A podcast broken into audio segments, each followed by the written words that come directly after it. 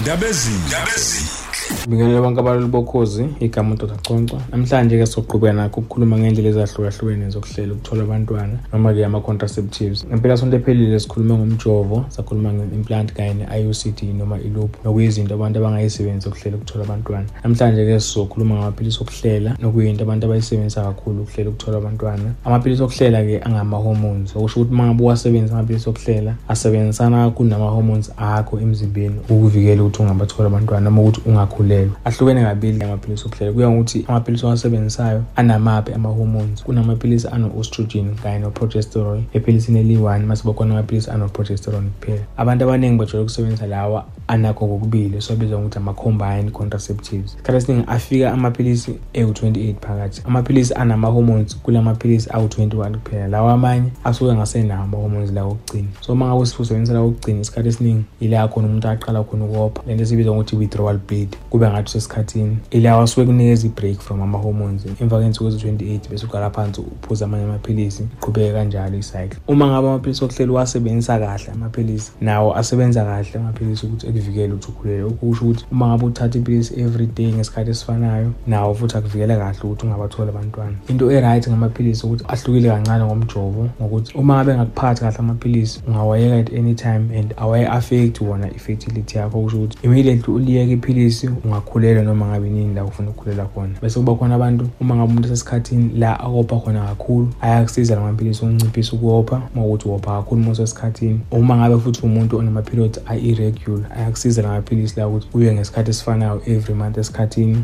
ukuregulate kahle icycle yakho. Ziningi-ke izinto engama-side effects ey'hambisana nala maphilisi kodwa into eyijwayelekile kuyenzeka kube buhlungu amabele umuntu ephathwe yikhanda noma ecanzelwe inhliziyo noma ibuyise. Kubalulekile ukwazi ukuthi yini oyenzayo uma ngabe ubuyisa ngoba sikhuluma ngamaphilisi la. Okusho ukuthi uma ngabe uliphuzile iphilisi uma ngabe ubuyisa immediately maningi amathuba ukuthi iphilisi oliphuzile libuye nalo. So uma ngabe ubuyisa immediately kubalulekile ukuthi uphinde uphuze elinye iphilisi ngaphezu kwalelo suku uliphuzile kanti uma ubuyisa mhlawumbe kukade uliphuzile iphilisi kwesinye isikhathi asibibikho isidingo sokuthi uphinde futhi uphuze iphilisi. Kungenzeka futhi ugain weight uma ngabe uwasebenzisa. Njengoba amaphilisi lawa engama-hormones anyusa izinga lama-hormones emzimbeni wakho njengo-estrogen lokho ongakubeka emathubeni ukuthi ube nezinto njengo-breast cancer ezikhathi siqhubeka because uma ngabe umningi u-estrogen emzimbeni zikhona izinto associated nazo. Ungakuhamba kwesikhathi engakuphatha. Kuyenzeka futhi amaphilisi lawo ekwenza ukuthi igazi lakho lenze ama-clot. Uma kukhona ama-clot emzimbeni egazini kungenzeka futhi ube nento njengo-heart attack noma ube njenge-stroke so uma ukuthi umuntu uvele une-stroke noma une-b p noma une-heart attack noma wakwaba nakho ngaphambilini noma uyabhema. Akakwazi ukusebenzisa la maphilisi ngoba zonke lezo zinto uma ukuthi unazo it just become worse. Uma ngabe kunjalo amaphilisi angawasebenzi okungcono ilawa ano-progesterone kuphela. Wona angcono ngokuthi awanawo ama-side effects amaningi lawa afana nalawa enye into umuntu angayisebenzisa uma ukuthi amaphilisi ayamhlula lento esibiza ngokuthi ipatch. Ipatch icishe ifane neplaster indlela efakwa ngayo ngoba uyayinamathisela ipatch. Ipatch nayo isebenza ngama-hormones afana exactly ngendlela okusebenza ngawo amaphilisi okusho ukuthi ipatch nayo ino-estrogen kanye no-progesterone. Kodwa ipatch yona awuyifaki every day ipatch uyayinamathisela emzimbeni zikhona iy'ndawo ezahlukahlukene la uyinamathisela khona. Uyinamathisela kayi-one ngeviki uyifake every week. Bese kuthi ngeviki lokugcina uyiviki lesi-four ila ipatch ungayisebenzisi khona. La usukuthatha khona i-break. Uma ngabe ungasayifakile ipatch ila uqala khona ukubleeda as umuntu osesikhathini phinde uqhubeke futhi ngenyanga elandelayo. Bese kuba khona ama-emergency contraceptives osetshenziswa umuntu uma ngabe engasebenzisi lutho kodwa emba nayo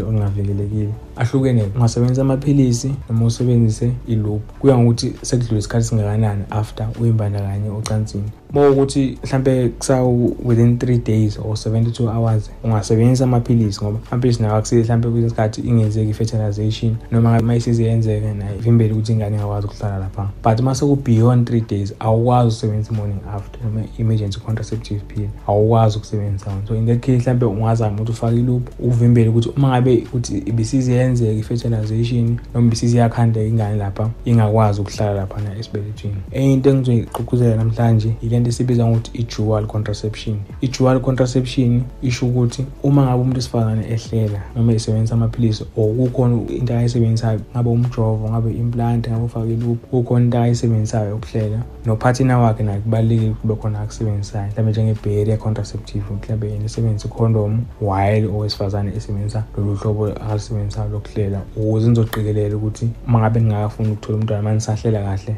niqikelele ukuthi ningamtholi umntwana. Ngiyabonga ey'nkundleni zokuxhumana ngithola kufacebook sivisa kuconca ndabezinhle njalo ngesonto kusukela ngo-12 kuya ku-3 ekseni